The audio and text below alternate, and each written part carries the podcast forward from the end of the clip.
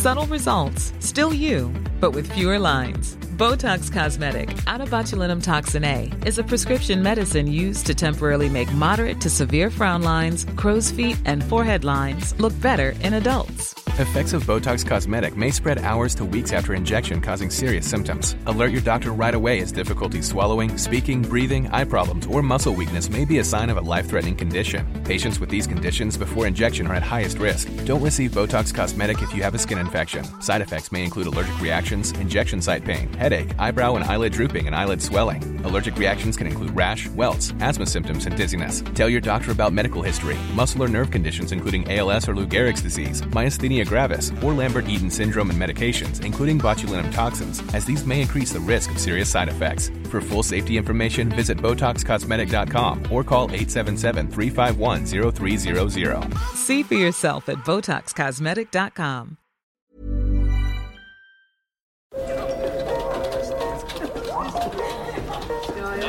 Dette er lyden av norsk næringsliv. Akkurat nå tas det små og store valg som kan bli avgjørende for fremtiden. Med økonomisystemet X-Leger tas disse beslutningene basert på informasjon i samtid, slik at drømmer og ambisjoner kan bli virkelighet. Få kontroll og oversikt. Gå inn på xledger.no. Denne sendingen er sponset av Xleger.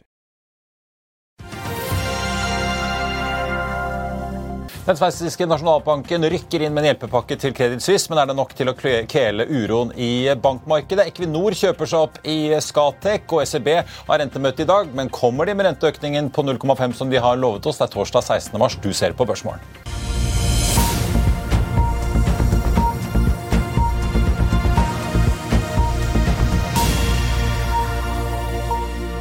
En riktig god morgen alle sammen, og velkommen til oss her i Finansavisen og Børsmorgen. Mitt navn er eh, Marius Thorensen, og med meg har jeg aksjekommentator Karl Johan Månes. Vi får også straks med oss forvalter Jan Petter Sissener for å da diskutere det siste som har skjedd i får vi si, banksektoren, som fortsatt preges av stor usikkerhet. På kalenderen i dag altså ECB-rentemøte, og så har vi fått eh, norske BNP-tall som viste et helt ventet fall på 0,2% på fastlandet i januar. Bilsalget får store deler av skylden for det. Hovedveksten Veksten endte ned 3,74 i går og var ned over 4% på det meste. DNB Markets venter at vi i dag skal se grønne piler med en oppgang på 0,3% fra start. Nordnett ligger inne med et estimat på hele 1% Og Så er det jo to av de aksjene som vi fulgte med på i går, da, Saptek og Nortel, endte som gårsdagens vinnere. Ladeselskapet Saptek altså opp 19,3% etter at konkurrenten Easy fikk et salgsforbud i Sverige. Og Tibber satte salget på pause her i Norge. Nortel endte opp 15,3 da etter nyheten om at selskapet kan bli solgt og har fått beilere på døren. Kursen ligger nå på rundt det dobbelte av emisjonskursen høsten 2020.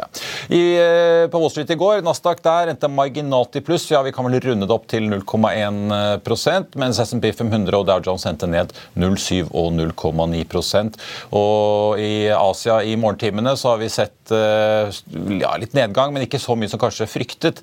Nikkei i Japan falt eh, i underkant av 1 Hang Seng og Shanghai CSI faller også noe i morgentimene. Så vi også ta med oljeprisen, da, som har fått veldig mye juling de siste dagene.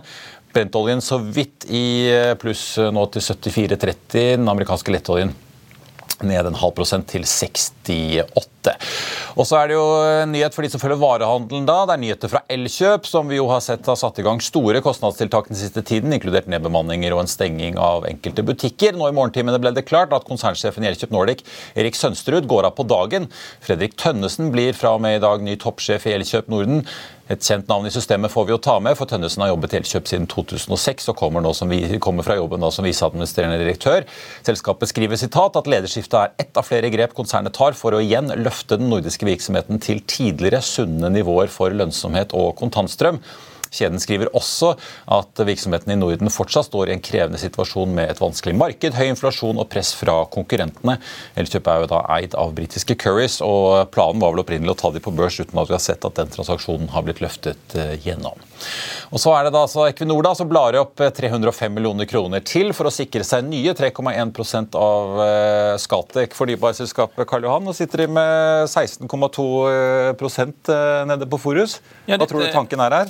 Dette er en veldig liten transaksjon, og man kan jo lure på hva som har skapt den. For det er jo nest største eier, da, Scatec Innovation, ved styreformann Jon Andersen, som selger. og Han går ned fra litt over 12 til under 10% og får 300 millioner, rundt 300 millioner kroner for det. og ja, jeg vet ikke, jeg trenger pengene til noe annet, kanskje. Eller kanskje det kommer en emisjon der de har lyst til å være med på den til enda billigere kurs. Hva vet man? Ja. Det, men dette er en veldig liten transaksjon, og, og Equinor er fortsatt under 20 så trenger ikke bokføre det som et uh, tilknyttet selskap. Det er en aksjepost fortsatt.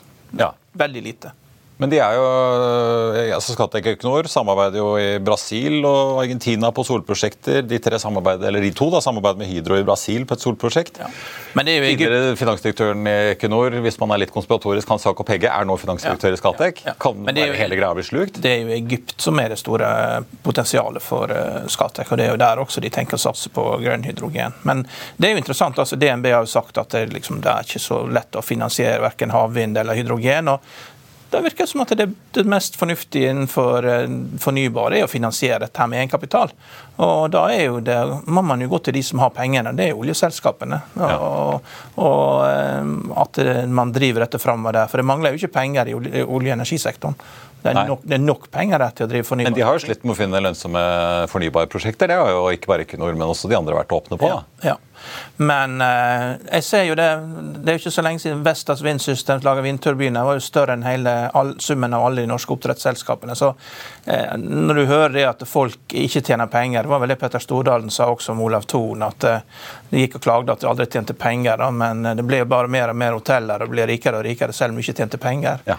Så eh, man skal alltid bli litt mistenksom hvis vi sier at det er umulig å tjene penger. Det kan godt hende du tjener mye penger når du først får opp, eh, når du får opp eh, liksom kapasiteten og har fått plattformen på plass. Men man må, studere nøye hvor lønnsomt det er å holde på med dette. Og, eh, og det, er det, det er jo det grepet du må ta, da, at du må sørge for at det blir lønnsomt. Eh, Men tror du, nå har jo denne aksjen den var jo Den snuste på 400 kroner her på toppen i 2021, men den lå jo på pluss-minus 100-lappen gjennom sommerhalvåret i fjor. Men det er Nå ligger den på 64, Equinor kjøper vel på 61, så vidt jeg kunne regne meg frem til. 400 var feil. Ja, ja. Ja, og så eh, har det kommet for øre at den emisjonen som de skulle gjøre på 28 til 36, at det var et amerikansk selskap som holdt på å skulle kjøpe de opp, og når det feila, det var derfor det man måtte ned på 19. Da. Men 19 var også feil. da.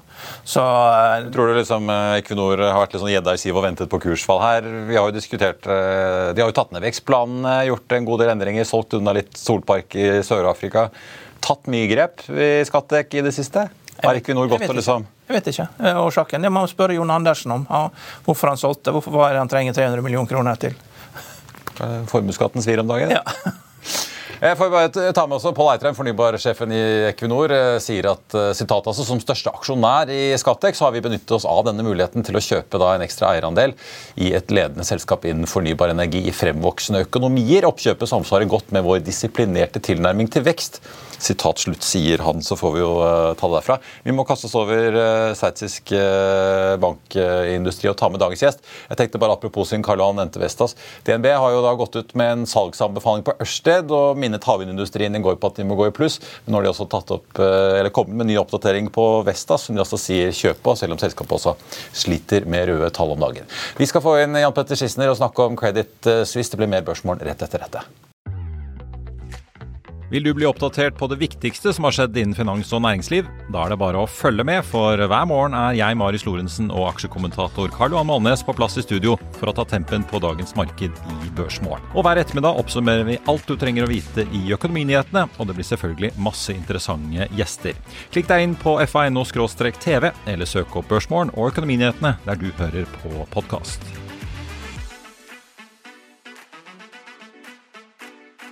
Velkommen tilbake. Den sveitsiske nasjonalbanken har også annonsert at de vil støtte Credit Suisse med likviditet tilsvarende over 500 milliarder eh, kroner. Med Karl og meg nå så har vi med oss forvalter Jan Petter eh, Sissener. Jan Petter, eh, overrasket over at sentralbanken i ditt andre hjemland kommer springende for å roe, roe spenningen? Nei, det er jeg ikke overrasket over i det hele tatt. Og det er et behov for å roe nervene i europeisk banksystem. Det er jo slik nå at det amerikanske banksystemet har garantert alle deposits. Og det er noe den europeiske sentralbanken nesten er nødt til å matche I, og jeg håper det kommer noe der i løpet av dagen. Og Bakgrunnen til at de er nødt til å matche det, er at hvis du ser for deg en Total Energi eller en BP som sitter med milliarder på milliarder i banken, så vil de aldri ha de pengene stående i noen europeisk bank som ikke er garantert, når de kan ha den stående hos JP Morgan hvor innskuddet deres er garantert. Så noe må komme, og jeg er ikke overrasket. Det som overrasket meg i går, var mer hvordan kjøret ble mot europeiske banker utover dagen. Det var jo som om det skulle krasje, og det kommer aldri til å skje.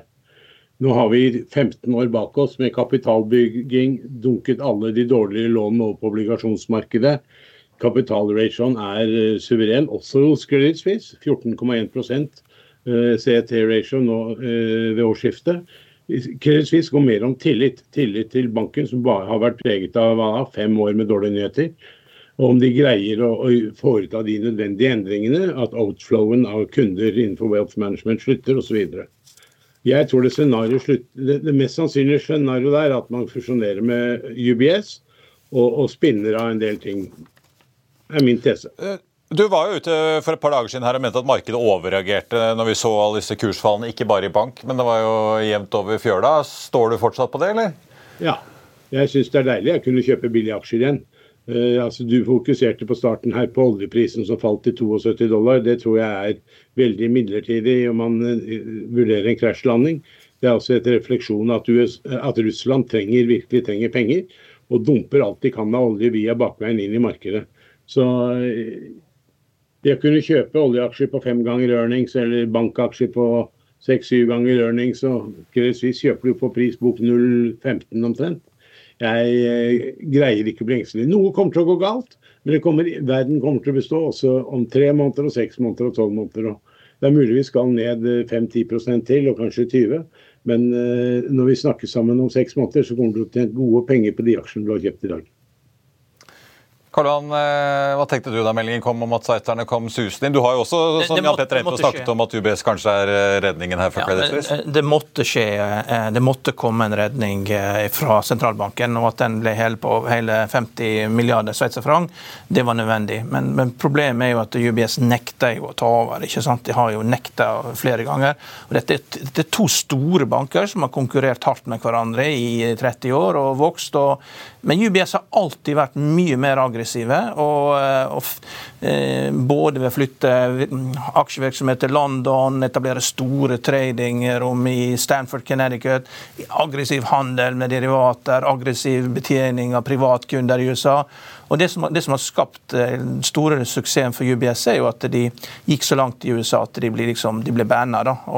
Selv om de sponser og er hovedsponsor av eh, Art Miami Basel og har kontakt med amerikanske kunder, så ble de store i Asia når Kina kom i dette tiåret. Så de har fått en veldig stor global virksomhet. Mens Credit Suisse de de har klart å rote seg inn i veldig eh, enkelt enormt tappringende, sånn som Arkegos. De har tapt 4 milliarder eh, dollar på Arkegos, de har tapt på Greensill.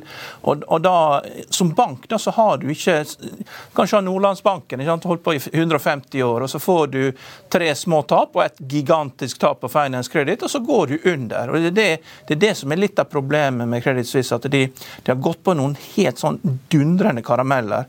Og, og problemet er, når du da prøver å det du skal komme opp med for å fornye banken, det er å prøve å gå tilbake igjen til 90-tallet og skape First Boston investeringsbank i USA. Da. Og det var jo fantastisk bra. det når, eh? Frank Catroni gikk rundt og, fant opp å spise to middager og gjorde teknologiemisjoner i USA. Men eh, og Nå har de en som heter Michael Klein, som har vært veldig flink, rain, rainmaker, men det er feil tidspunkt å gjøre dette på. Og du, så, så, problemet er at eh, og, og når du da har en, hatt en sånn tålmodig investor som Oakmark med David Harrow, sitter inne i 15 år, eide 10% før emisjonen, solgte seg ned og sier han, han ikke lenger tror at banken overlever, så, er, så er, det hadde vært helt fantastisk om UBS klarte å, å, ta over. og Det kan godt hende det er det som blir løsningen, men det, virker, det virker som at de, de venter tilbake blir svakere. Det vi også må få endring på, er jo at eh, Bank Paribas kom i går og sa de kutta all counterparty risk med Credit Suisse. De må gjenopprette sånne ting. Det blir viktig å følge med på. For Hvis ikke så åpner aksjen høyt oppe, så bare fortsetter den å falle gjennom dagen. Ja, for Jan Petter, nå ser Vi Oslo Børs starter opp. Uh, vi har vært opp liksom 1,3% 1,2% nå. DNB opp 2 eh, igjen etter fallet i, i, går. Men øh, jeg må spørre deg, siden du har så troen på at dette skal gå bra på noen uker som måneders sikt her, da. Hvis vi nå ser at finansieringskostnadene til både DNB og BNP Paribas og hele gjengen begynner å stige fordi at folk blir nervøse for hva som plutselig kan skje, spiser ikke det mye av gevinsten for disse bankene som de har gått og gledet seg til i et miljø med økende renter? Det er klart at Hvis eh, kredittspreddene går ut, og det er jo det sier, altså innlånskostnadene til bankene går ut, så vil jo det reflekteres i lånekostnaden for kundene i løpet av ikke så lang tid. Det er et timelag som sikkert kan hitte, uh, hitte marginene en stund, men det kommer ikke til å være vedvarende hit. Det kan være en tre-seks måneders delay, litt avhengig av lånestrukturen. Jeg tror at uh, Europa har mange utfordringer, og noen credit crunch det skal de i hvert fall ikke ha slik verden ser ut nå. Så jeg tror sentralbanken sentralbankene stiller opp med den likviditeten som er nødvendig. Så du selger deg ikke ned i, ja, du selger deg ikke ned i hjertebarnet ditt, Storebrand, med det første?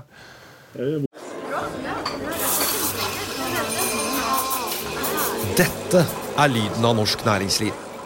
Akkurat nå tas det små og store valg som kan bli avgjørende for fremtiden. Med økonomisystemet X-Leger tas disse beslutningene basert på informasjon i samtid, slik at drømmer og ambisjoner kan bli virkelighet. Få kontroll og oversikt. Gå inn på xledger.no. Denne episoden er sponset av van Brun, en fremtredende smykkeforhandler kjent for sitt brede utvalg av forlovelsesringer, gifteringer og diamantsmykker som bæres og elskes i generasjoner. Et frieri er en av de største øyeblikkene i livet, hvor forlovelsesringen er et tidløst symbol på kjærligheten. Valg av ring krever omtanke for både hvilket metall og diamant. Med et bredt spekter av både naturlige og labdyrkede diamanter, og metaller som platina, gult gull, hvitt gull og roségull, hjelper de deg med å sette et personlig preg på din kjærlighetshistorie. Van Brun vil gjerne invitere deg til å prøve på tre av dine favorittringer fra nettsiden helt kostnadsfritt. Du kan også låne et bredt spekter av frieriringer, slik at du og din forlovede kan velge en ring sammen etter det store ja. Van Brun tilbyr 90 dagers åpent kjøp og 90 dagers gratis størrelsesjustering. Utforsk deres eksklusive sortiment i luksuriøse omgivelser. Bokk en konsultasjon sammen med en diamantekspert i deres showroom i Oslo. Eller online på vanbrun.com. V-a-n-b-r-u-u-n.com. Hvorfor i himmels navn skulle jeg det? Er det, altså, er det ett sted som nyter godt av økte kredittspredder osv., så, videre, så er det jo Storebrand. Hva tror du Kristin Lagarde vil gjøre nå i eh, ettermiddag? da? Du snakket jo om at ECB kanskje må komme på banen og begynne å snakke om eh, å garantere innskudd i europeisk bankvesen for å matche det. den implisitte garantien det virker som amerikanerne har gjort, da, for de har ikke skrevet den, uh, hugget den i sten. De, men de må nok gjøre det. for at uh, Hvis amerikanerne hugger den garantien isteden, så vil jo europeere putte pengene der, med mindre de har en tilsvarende garanti fra ECB. Jeg tror hun hever med sine forventede 50 punkter. Men hun kommer også til å uttale seg om at noe sånt som at whatever it takes, så skal vi supportere det europeiske banksystemet. Det betyr ikke at alle banker er safe, i hvert fall ikke noen små, små banker. Men at de store systemkritiske bankene vil bli reddet, det er det ingen tvil om. Nå er det ikke dermed sagt at aksjonærene vil, penger vil bli reddet, men deposits vil bli reddet.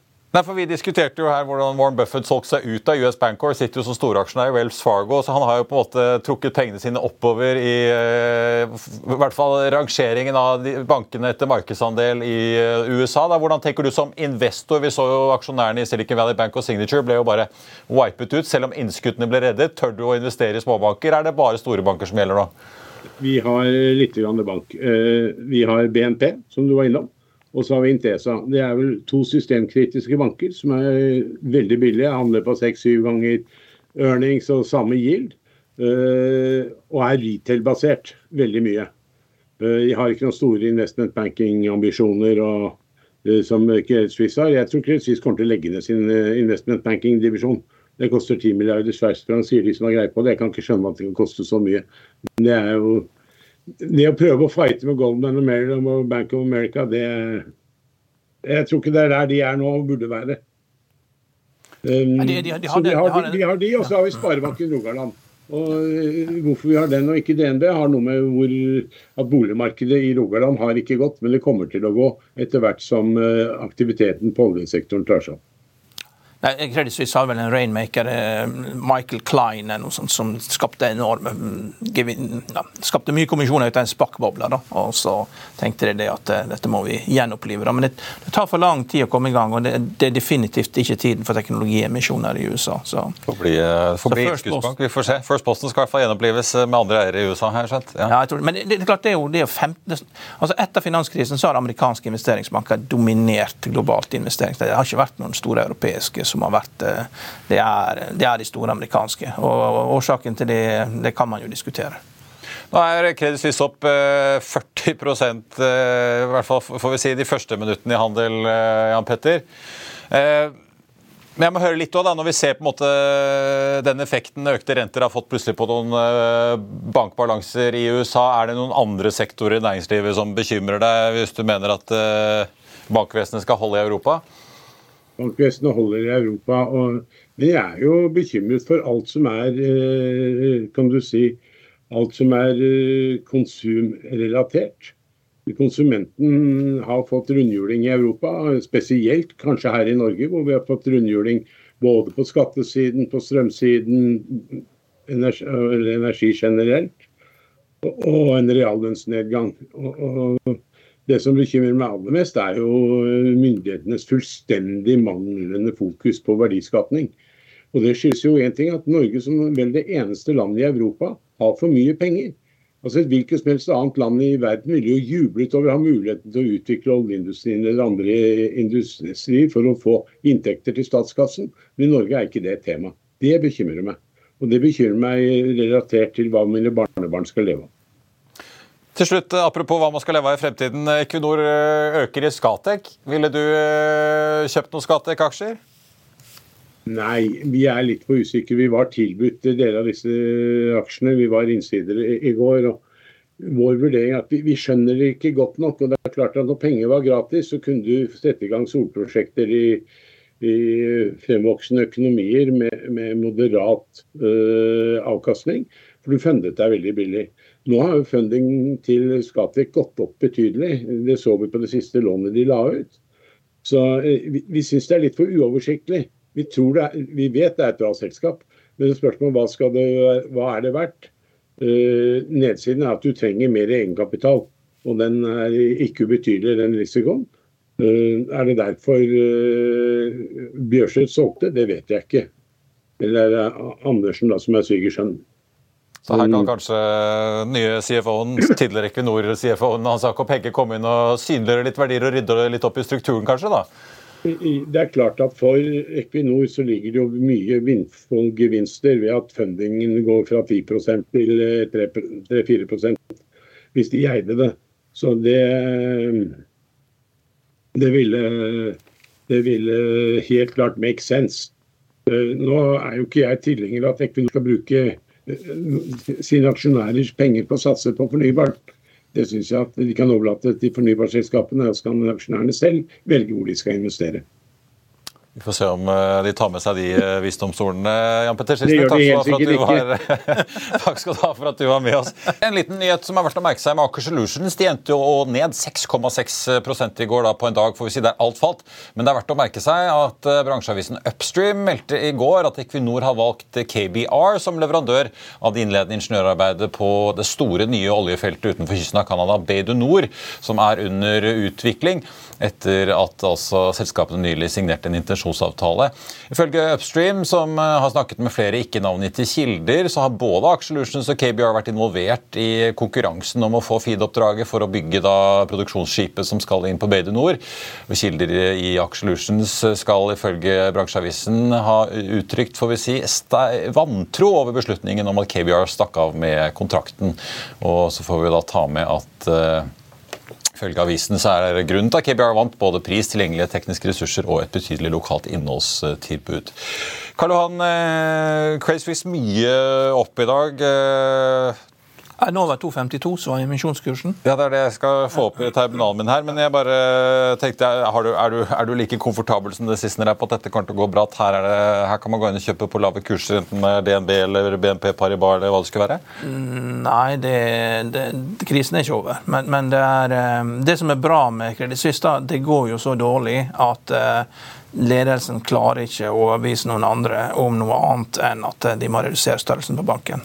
Ja. Så det, og da er spørsmålet liksom hvilke prosesser du har der, og det, det renner jo ut med innskudd derfra.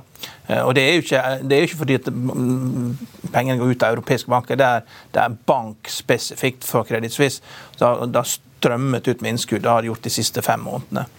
Og store beløp. Og, og eh, Dette er en bank som stadig blir mindre. og Så er spørsmålet da når er det riktig, eh, når er det eh, at man må inn og rydde opp. og Det hadde vært veldig greit for alle parter om UBS tok det, da, men det, vil jo blitt, det er jo en voldsom jobb, og det blir jo masse layoffs hvis at det skjer. da. Ja. Og Oppsigelse. Så Vi får se. det er mye folk. Er veldig, 50 000 Det er stor industrisite. Ja, så det det er, ja, men det, dette, dette er globale banker. Det er mange småbanker i Sveits. Altså når du er der nede. Det er veldig mange private banker, men de har holdt seg til å være små lokale. Mens disse andre her har jo ekspandert veldig aggressivt. Og spesielt i UBS. altså. De har vært utrolig aggressive. Ja. Og lykkes med det. Hva tror du, men tror du eh, ECB må rykke ut med et eller annet sånn?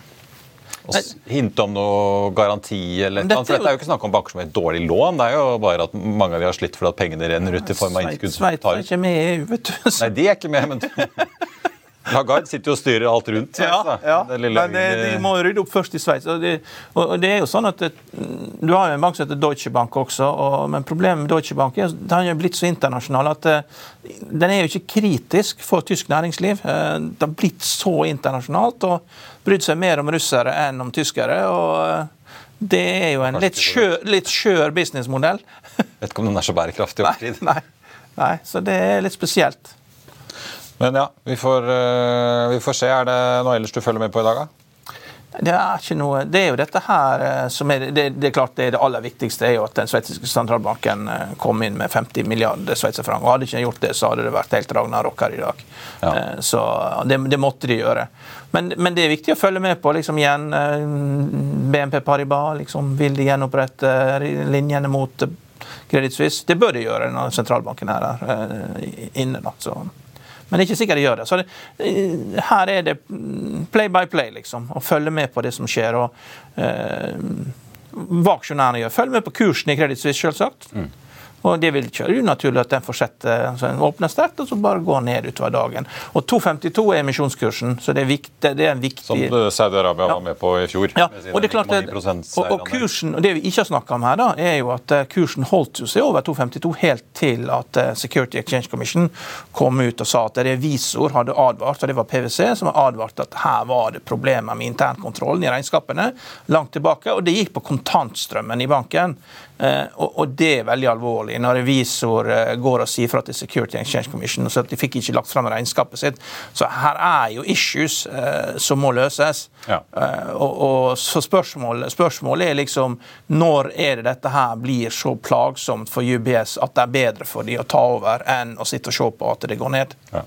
Jeg ser i hvert fall på London-børsen så ser det ut som den handles nå til 2,16. Ja. 2,20. Ja, ja. Og så har det vært et langt intervju i dag tidlig med mm, Saudi National Bank, og selvsagt, eh, han sa det var ingenting nytt, selv om at de hadde vært på Bloomberg i går og sagt absolutely not, at de ikke kom inn med penger. så Ingenting nytt i det de hadde sagt, at dette hadde gjort klart hele tida. Selv om de gikk med 9,99% så var det aldri snakk om eh, å gå inn med mer penger. og De, de hadde overhodet ikke blitt kontakta om å tilføre mer likviditet. Jeg vil jo si det er veldig rart hvis banken trenger mye likviditet, hvis du ikke snakker med din største aksjonær og hører om de har noe å komme med. Det, det, vil, det ville være veldig rart. Men det er, eh, det er sånn eh, komisk Ali, eller Bagdad Bob, som han heter. Altså det, det intervjuet, det er langt intervju på CNBC. Det gikk veldig, veldig tidlig i dag tidlig. Eh, Så man kan ta en titt på det. Så han sier ingen problemer her. Nei, det er det alle sier når det, når det skjer ting på kammerset. Men eh, jeg tenkte Skatek opp 2,4 nå til nesten 66 kroner aksjen. Equinor kjøpte jo på 61. Ja. Interessant Sissener ble åpenbart tilbudt disse aksjene. Så kan ikke da ha vært Equinor som banket på og ville kjøpe. Da er det jo Andersen og de som ville selge, og så Ja. har de ringt Equinor og spurt vil dere kjøpe. Ja. I den rekkefølgen. Ja, det ser ut til å ha vært sånn. Og det kan hende de ville selge mer også. Hvem vet? Hvem vet? Men det er jo interessant å merke seg. ja. At det kanskje var Eitrheim som tok den og fikk sjansen fremfor Ja, på dørene og, i første og omgang. kanskje de ville selge enda mer. Det var, jo, det var jo ikke noen stor post, dette. Det er vel bare noen timer med oljeproduksjon for, stat, for Equinor. Det er uh, mye penger på bok uh, om dagen, får vi si. Vi holder et øye vi skal holde til med Skattek, ikke bare i dag, men uh, fremover også. Et par nyheter på tampen som er verdt å merke seg. Lumi-gruppen. Siden i slutten av november i fjor så har jo en nominikonto der kjøpt seg opp til å bli største eier med 14,7 Nå viser det seg at det er et britisk oppkjøpsfond.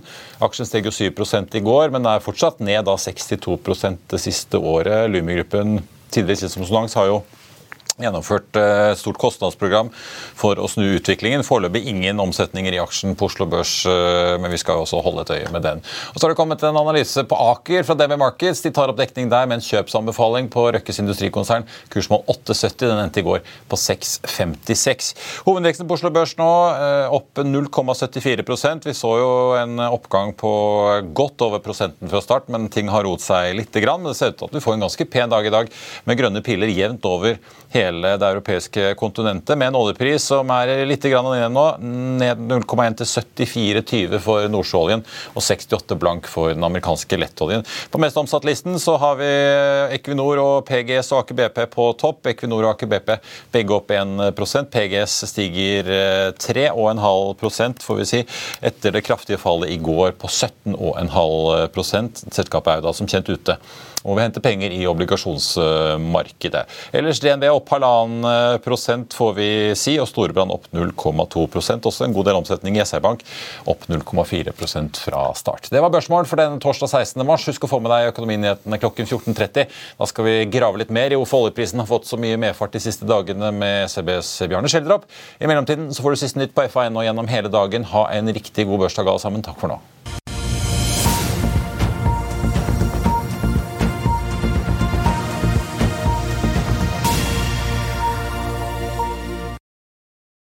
Denne sendingen er sponset av Xleger. Økonominyhetene er en podkast og videoproduksjon fra Finansavisen. Programleder er Marius Lorentzen. Aksjekommentator er Karl Johan Molnes. Produsent er Bashar Johar. Podkast- og videoansvarlig er Marius Mørk Larsen. Og ansvarlig redaktør er Trygve Hegnar.